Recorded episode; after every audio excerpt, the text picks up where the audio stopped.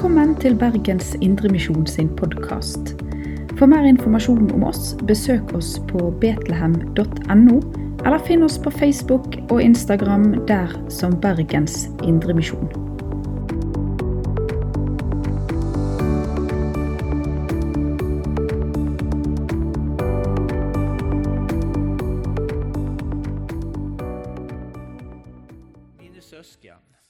La meg ta et eksempel fra dagliglivet.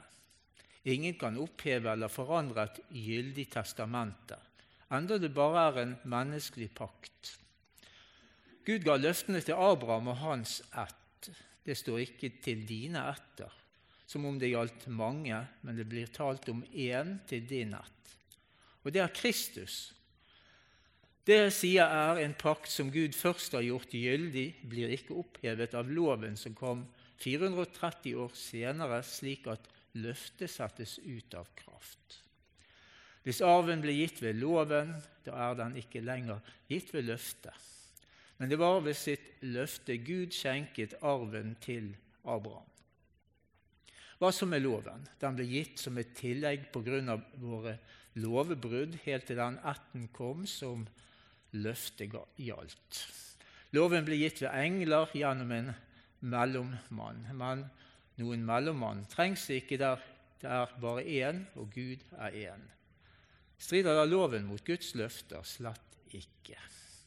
For var det gitt en lov som kunne gi, gi liv, ville vi virkelig vinne rettferdighet ved loven. Men Skriften har lagt alt under synden for at de som tror på Jesus Kristus, ved sin tro kan få det som var lovet. Før troen kom, var vi i varetekt under loven, innestengt helt til den tro skulle komme, ble åpenbart. Slik var loven vår vokter til Kristus kom, for at vi skulle bli kjent rettferdige ved tro. Men nå når troen er kommet, er vi ikke lenger under vokteren, for dere er alle Guds barn ved troen i Kristus Jesus. Alle dere som er døpt til Kristus, har kledd dere i Kristus. Her er ikke jøde eller greker, her er ikke slave eller fri, her er ikke mann og kvinne. Dere er alle én i Kristus Jesus. Og hører dere Kristus til, er dere Abrahams ett og arvinger etter løftet. La meg forklare dette. Så lenge en arving er umyndig, står han likt med en slave, enda han eier alt. Han står under formyndere og forvaltere helt til den tiden hans far har fastsatt. Slik er det også med oss. Da vi var umyndige, var vi slaver under grunnkraften i verden. Men i tidens fylde sendte Gud sin sønn, født av en kvinne, født under loven. Han skulle kjøpe dem fri som sto under loven, så vi kunne få retten til å være Guds barn fordi der er barn, har Gud sendt sin Sønns ånd inn i våre hjerter, og ånden roper 'Abba, Far'. Derfor er du ikke lenger slave, men sønn. Og er du sønn, er du også arving innsatt av Gud. Slik lyder Herrens ord.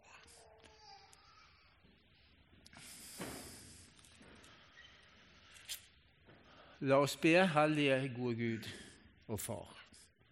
Dette er ordet du møter oss med i dag. Hellig oss i sannheten. Ditt ord er sannhet. Amen. Vi skal få opp teksten etter hvert, men først vil jeg si litt grann, Det blir kort om det som vi allerede har møtt i de tre første søndagene vi har fått høre fra Galaterbrevet. De to første kapittelet i brevet til galaterne, der viser Paulus til at hans forkynnelse og lære er i samsvar med de andre apostlene. Han skiller seg altså ikke ut fra det de andre har fått som et oppdrag å forkynne, ja, autorisert av Jesus Kristus. Og så er det altså slik overfor galaterne, for vi vet at her har det kommet inn noen som har prøvd å påvirke dem til å gjøre lovgjerninger, altså omskjærelse med mere. Men Paulus viser altså til Skriften og til sin egen erfaring, eller det som er blitt åpenbart. Han og Paulus bekjenner at Jesus er Kristus, Guds sønn, vår Herre, og videre at Jesus er korsfestet og oppstått for oss til vår frelse. Og Så sier han altså at galaterne har fått Ånden ved å høre og tro dette budskapet om Sønnen.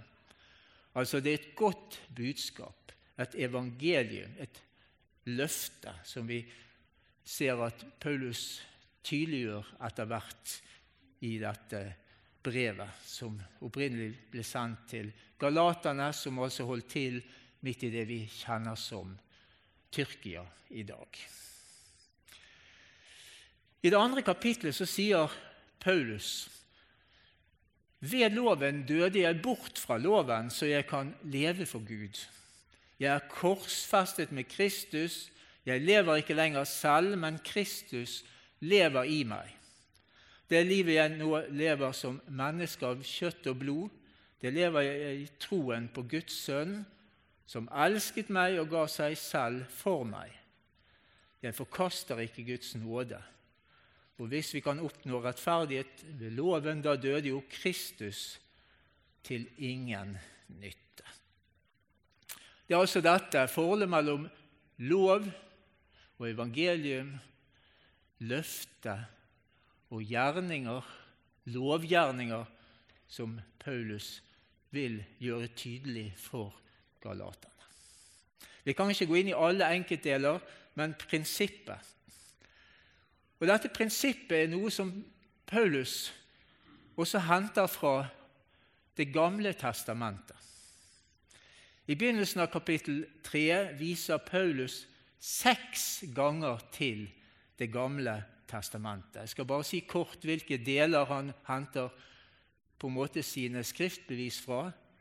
Første Mosebok 15, Første Mosebok 12, Femte Mosebok 27, profeten Habakuk, 3. Mosebok 18 og 5. Mosebok 21. Og Han sier med utgangspunkt i 1. Mosebok 15,6 at Abrahams tro er en tilregnet rettferdighet. Det er altså ikke Abrahams lydighet, men det er hans tro som gjør at han blir regnet som rettferdig. Og Så sier Paulus at denne troen som blir forkynt til Abraham, den er egentlig ikke bare begrenset til jøder.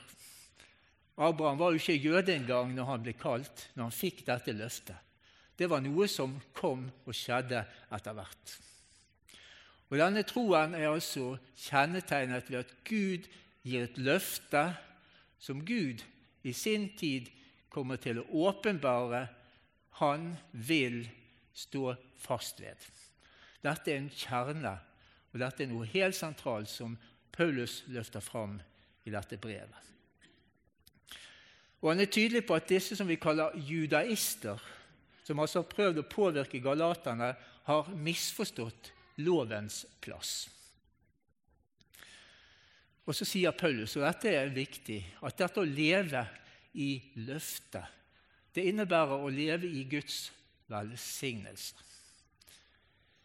Men det han kaller altså lovgjerninger, det er å leve under å være under forbannelse. Han setter det altså på spissen, men vi må tenke at dette er så sentralt at det er en grunn til at Paulus uttrykker seg så sterkt overfor galaterne.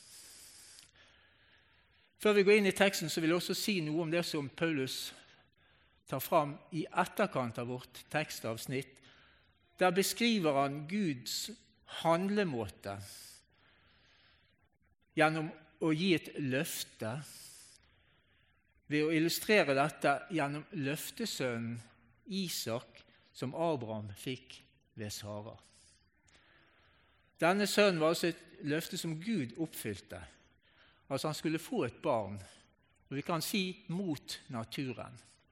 Det er altså et suverent Guds løfte og en slags forunderlig undergjerning som skjer. når Gud oppfyller sitt løfte. Men så ser vi at, og det vet vi òg, at Abraham prøvde sjøl å oppfylle dette som Gud hadde lovet, og så fikk han et barn med trellkvinnen Hagar. Og Dette er også et prinsipp som vi skal møte seinere i i alle fall i en av disse søndagene som gjenstår. Men jeg vil i alle fall allerede nå si at dette er noe helt sentralt i forhold til å leve av løftet. Det blir altså utdypet også i dag, men mer etter hvert. Og Da skal vi altså gå inn i det første avsnittet, kapittel 3, vers 15 18. Her begynner Paulus med å gi et eksempel fra dagliglivet. Han sammenligner løftet med et testamente. Og De som fikk dette brevet, de visste godt at et testamentarisk løfte, og sånn er det jo i vår tid også, blir utløst ved at en person dør. Og Så viser han til dette løftet som var gitt til Abraham i 1. Mosebok 12.: I deg skal alle slekter velsignes. Dette uttrykket 'i deg' det tolker han som 'i din ett'. Altså ikke Abraham i seg sjøl, men i hans etterslekt. Men entall. Og Paulus sier at dette gjelder Kristus. I Kristus skal alle slekter velsignes. Og så har han allerede sagt og Det er utgangspunktet for dette kapitlet. Dere har fått Kristus, eller Jesus Kristus, malt for øynene deres som den korsfestede. Altså det er den korsfestede Jesus som på mange måter utløser løftet. Paulus går så videre og understreker at dette er løftet som ble gitt til Abraham om rettferdighet og velsignelse, som også skal bli alle til del. Det er overordnet loven som ble gitt seinere. Og disse lovbudene de gjør ikke løftet ugyldig. Det er altså to ulike prinsipp løfte og lov.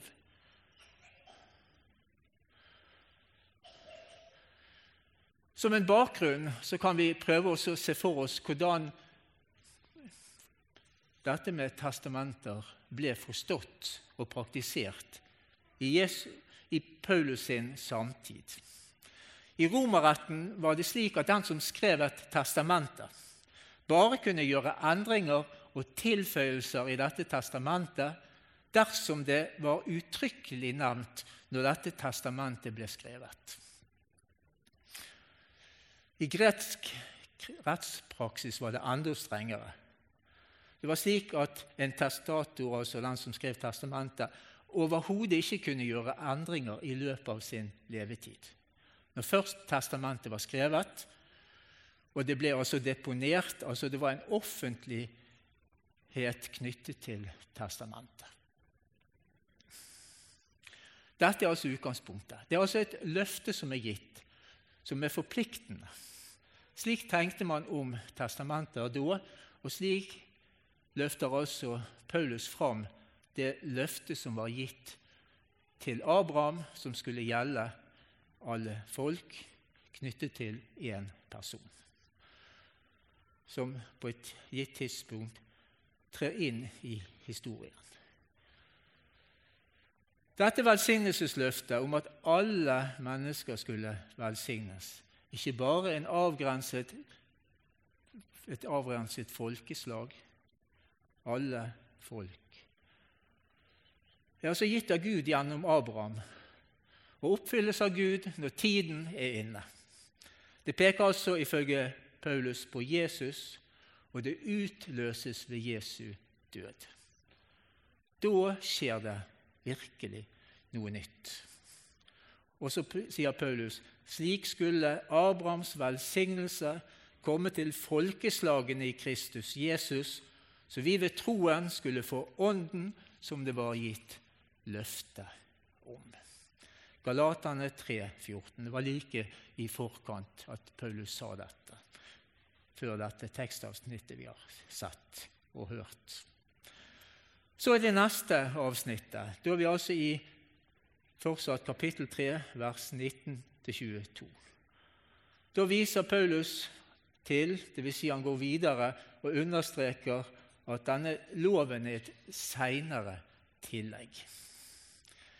Egentlig så inkluderer han også omskjærelsen, men den også skjedde etter at Abraham fikk løftet.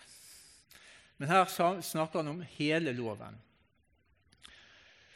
Og Han sier at loven ble gitt gjennom engler. Dette er en talemåte som understreker lovens underordnede funksjon i forhold til løftet. Og Det er også noe som det er nok som ligger i tradisjonen. Det er ikke så lett å lese det ut av våre bibler. Men vi ser det når Stefanus taler om loven. Så tales det også om at loven ble gitt gjennom engler. Poenget er at loven er underordnet løftet, men like fullt den er gitt av Gud, så loven er også Guds lov. Men Paulus går videre og sier at loven ble gitt på grunn av våre lovbrudd. Og bare der det er lov, kan vi tale om lovbrudd. I en mer moderne forståelse kan vi si at mennesker kjører for fort. Det kunne vi sagt også når det skjer ulykker der det ikke er fartsgrenser. Men er det en fartsgrense, så vet vi i alle fall at et lovbrudd skjer når man bryter fartsgrensen.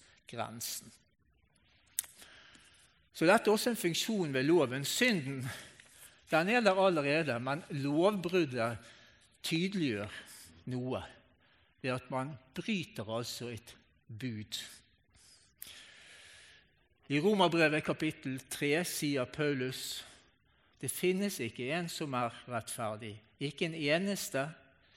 Det finnes ikke en som forstår, ikke en som søker Gud. Alle er kommet på avveier, alle er fordervet. Det er utgangspunktet egentlig som blir tydeliggjort ved at loven avslører synden og vår syndighet. Og loven kan verken gi liv eller rettferdighet. Dette må skje på en annen måte. Og I Efeserbrevet kapittel 2 leser vi dere var en gang døde på grunn av misgjerningene og syndene deres. Og En død kan ikke ta seg sammen. Det må også skje noe forunderlig, noe helt nytt. Og Så leser vi videre i Efeserbrevet.: Men Gud er rik på barmhjertighet. Fordi Han elsket oss med så stor en kjærlighet, gjorde Han oss levende med Kristus. Vi som var døde på grunn av våre misgjerninger. Av nåde er dere frelst. Det er altså noe som vi får del i gjennom Kristus. Vi blir altså gjort levende med Kristus. I Romane 3 så understreker Paulus videre det som loven gjør. Vi vet at alt det loven sier, er sagt til dem som har loven, for at hver munn skal tie og hele verden står skyldig for Gud. For ikke noe menneske blir rettferdig for Gud på grunn av gjerninger som loven krever. Ved loven vi, lærer vi synden å kjenne. Loven har også en oppgave å synliggjøre at synd er synd, at synden innebærer lovbrudd, og den kan ikke gi liv, selv om vi av og til kanskje tenker oss at det nytter kanskje å ta seg sammen. Men det er noe med det. Det er ikke det at det er galt å prøve å gjøre godt, men fullkommen etter loven kan ingen være. Og vi trenger å bli reddet for Guds krav om fullkommenhet er det som loven forkynner hvis vi skal være rettferdig etter loven. Nå var det nå ikke helt uvitende om denne saken, heller ikke i den tradisjonen som Paulus var opplært i. Han hadde jo sittet ved Gamaliels føtter. Han kjente til den lovforståelse de hadde. Hos fariseerne på Paulus sin tid så var det slik det var egentlig to ulike retninger. Der den ene forventet i alle fall minst 51% lovfromhet. Og så var det i den andre retningen slik at det var mulig kanskje opptil 99% lovoppfyllelse. Men altså fullkommen etter loven tenkte ikke fariseerne at det var mulig å være.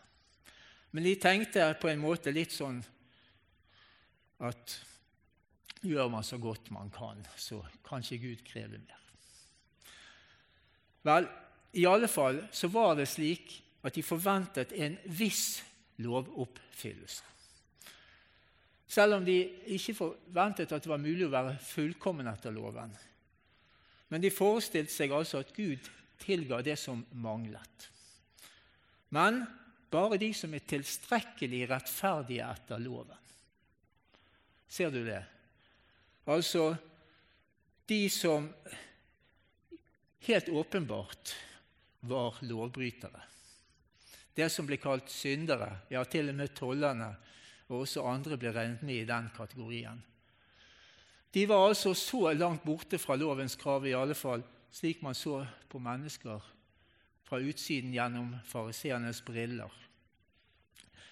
At de skulle man ikke ha noe med, der var på et vis alt håp ute. Så vet vi at Jesus er annerledes. Annerledes enn det fariseismen sto for. Og Guds ord viser oss at alle mennesker trenger tilgivelse og nåde. Ikke bare de som ser ut til å klare seg noenlunde greit. Og vi vet at Jesus er kommet for å frelse syndere, små eller store syndere. Han er synderens venn. Han kaller oss alle til omvendelse og tro på løftet om tilgivelse. Og Guds rettferdighet av bare nåde, ufortjent godhet. Og Det er altså en ny tid som innvarsles ved Jesus, som egentlig Paulus også etter hvert hadde fått øynene åpnet for. Det handler om Jesus. Det handler om ikke bare de som ser ut til å klare seg noenlunde greit etter lovens rettferdighet, men rettferdige er ingen etter loven. Her må det noe annet til. Og Det er altså Gud gitt et løfte om, som på et tidspunkt altså inntrer på en særlig måte. Ja, på en måte som gjør at man skal forstå hva dette løftet som var gitt til Abraham, pekte fram mot. Så til det neste avsnittet. Det er altså kapittel 3, vers 23-29. Her beskriver Paulus tiden før troen på Jesus Kristus. Loven beskrives her som en vokter. Denne vokter det kan også oversettes med andre ord. Det greske ordet er paidagogos, altså Vi kunne tenkt en pedagog, men det er ikke slik. Det var en streng person som absolutt ikke er slik vi tenker god pedagogikk. Denne vokteren skulle altså tvinge barna til skolen og se til at de kom seg til og fra opplæringen. Det førte til at barna fikk kunnskap om rett og galt. Loven har altså en funksjon å lære opp i rett og galt. Det hører med, men det kan være plagsomt å være under denne vokteren. Så er det altså slik at troen på et tidspunkt kommer i vår vei. Men det er likevel slik handler, Dette handler ikke bare om gammeltestamentlig tid og den nye pakts tid. Men vi ser at her er det slik at fortsatt så er det mennesker som risikerer å være under loven. Eller det er mennesker som er under nåden. Det er altså to stillinger, to måter å forholde seg til overfor Gud. også om man har fått høre om Jesus, slik disse galaterne sto i nettopp i denne kampen. Å være under nåden, å være velsignet, eller å stole på lovgjerninger som risikerer at man blir utestengt fra nåden hvis man altså stoler på sin egen lovoppfyllelse, liten eller stor. Så sier Paulus at de som er døpt til Kristus, de blir knyttet til løftet. Det er altså noe man knyttes til, dette frelsesløftet. Og det er som en påkledning. Dette løftet som sier at vi er Guds barn, det er på en måte noe du blir ført inn i, noe man skal omsluttes av. Et løfte. Noe man skal kunne vokse inn i. Dette er helt sentralt. Helt nødvendig troen. Troen på at dette er noe som vi får, som vi kan få lov å tilegne oss fordi at Gud forkynner oss det på bakgrunn av det som er forutsagt, og det som Gud har gjort ferdig ved Jesus Kristus. Dette løftet sier at vi er Guds barn. Og Løftet gir oss en ny identitet og status overfor Gud. Himmelen er åpnet. Vi har masse ulike uttrykk for dette. Det har altså skjedd noe avgjørende nytt. Men samtidig er det slik at det visker ikke ut alle forskjeller i livet. Selv om alle i troen har samme adgang til Gud, kan regne seg sjøl som et Guds barn, ren og rettferdig, himmelverdig. Men altså, en mann er en mann, en kvinne er en kvinne. Uansett mann eller kvinne, jøde eller hedning, alle har lik verdi overfor Gud. Det gjelder uavkortet og har del i de samme løfter. Og alle blir altså tilbudt og tilregnet Guds rettferdighet i Kristus som en gave, og kan kalles Guds barn, og det er vi, i troen på Jesus. Så til det siste avsnittet, da vi i kapittel 4. Her forklarer Paulus tiden mens loven enda råder. Vi kan se for oss kanskje at dette er slik i en periode for mennesker. Og Da sier han det er liksom som et barn som er en umyndig arving. Et barn som har tilkjent en arv, altså løftet gjelder. Men inntil videre kunne man være under en forvalter. Slik var det med arv på Paulus sin tid. Til og med en som hadde fått del i arven. Den som hadde gitt arven, var allerede død. Men var man barn umyndig, så fikk man ikke del og utbetalt arven før på et visst tidspunkt, helt opp til 25 år.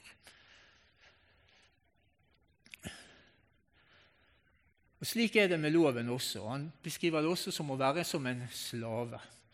Når loven enda råder i et menneskes liv, så kunne altså en slave være slave selv om slaven også kunne arve Herrens hva skal vi si, eiendeler. Men det måtte altså skje på et eller annet tidspunkt seinere, når tiden er inne.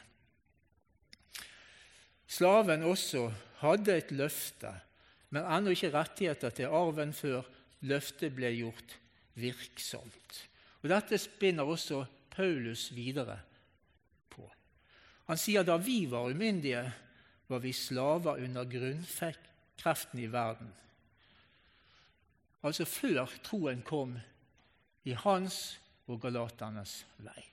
Det var altså noe de måtte høre for etter hvert tilegne seg og tilhøre. Han sier videre i Efeserbrevet noe av det samme i kapittel 2. Dere levde i dem, altså grunnkreften i verden, på den nåværende verdens vis, da dere lot dere lede av herskeren i himmelrommet, den ånd som nå er virksom i de ulydige. Ja, vi levde alle en gang som de. Vi fulgte lysten i vårt eget kjøtt og blod og lot oss lede av det og av våre egne tanker. Vi var av naturen vredens barn, vik som de andre. Her taler nok Paulus både om en tilstand før troen, og så beskriver han også slik mennesket er av naturen. Da beveger vi oss på et litt dypere plan. Men i alle fall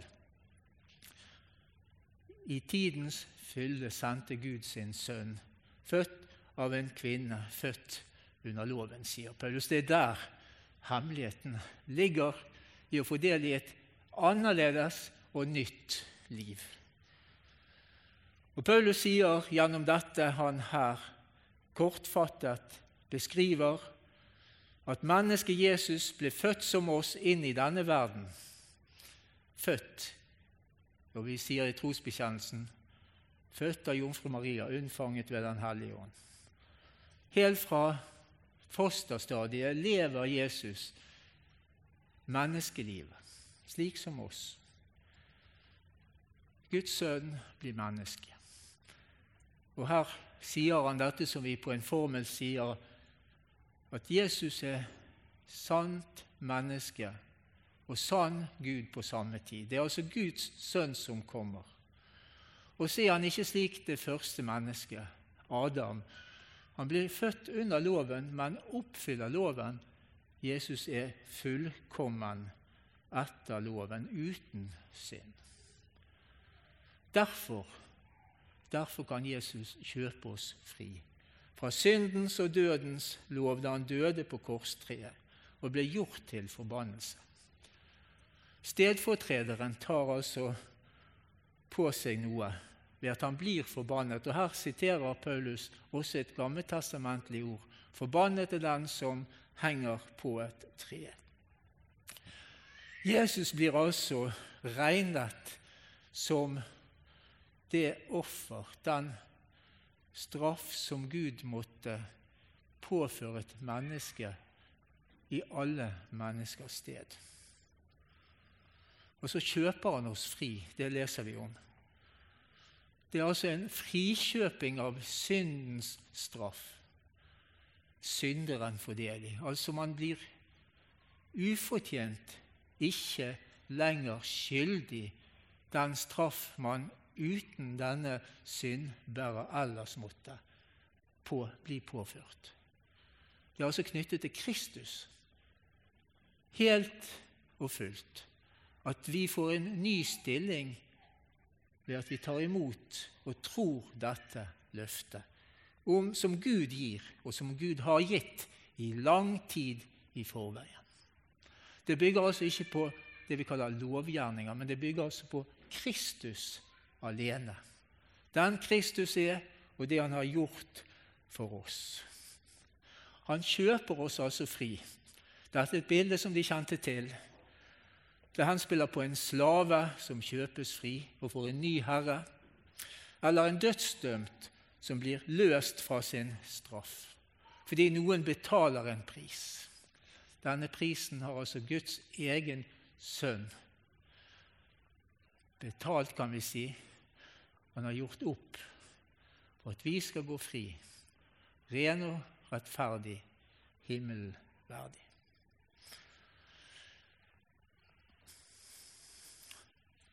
Det fins mange slike skriftsteder. Et av de mest kjente som beskriver den lidende tjener, det er i Jesaja 53.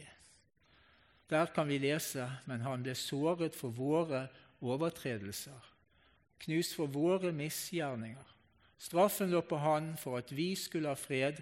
Ved hans sår ble vi helbredet. Dette ordet siteres ikke direkte av Paulus. Men i Filippane 2 taler Paulus om at Jesus tok på seg tjenerskikkelse. Og Vi hører der han skriver han var i Guds skikkelse og så det ikke som et rov å være Gud lik, men ga avkall på sitt eget, tok på seg tjenerskikkelse og ble mennesker lik.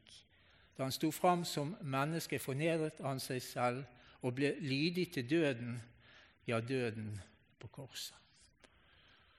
Så vi kan tenke at Paulus i alle fall henspiller på dette profetordet som ble talt i lang tid i forveien om den lidende tjener som tar straffen på seg for at vi skyldige skal kunne gå fri.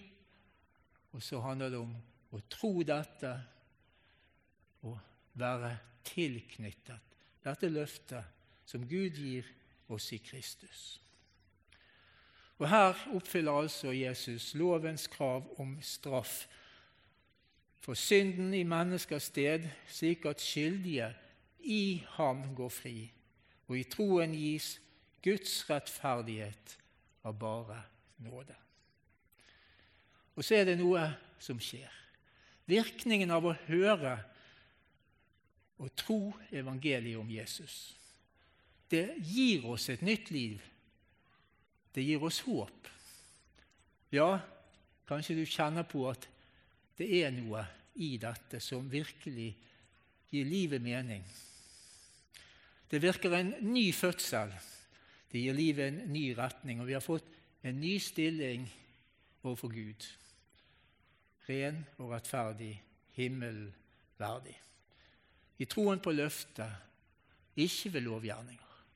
Kun fordi Gud gjør noe når vi hører, og troen blir skapt i våre hjerter. Så er det altså slik vi får en erfaring av Guds ånd ved at ordet blir forkynt oss, at vi blir knyttet til løftet, slik at vi kan tillitsfullt rope Abba eller Far til Gud. En slik erfaring uttrykker fortrolighet og trygghet overfor Gud, vår skaper. Og vi kan si, ja, vi kan synge, og det skal vi gjøre. Vi kan rope ut 'Jeg er Guds barn'. 'Jeg er Guds barn'. Det med en lovsang 'Jeg er Guds barn', det er altså en sang vi kan få lov å synge med full frimodighet til ære for Faderen og Sønnen og Den hellige ånd, som var og er og være skal en sann Gud fra evighet og til evighet. Amen. Du har lytta til Bergens Indremisjon sin podkast. For mer informasjon om oss, besøk oss på betlehem.no, eller finn oss på Facebook og Instagram der som Bergens Indremisjon.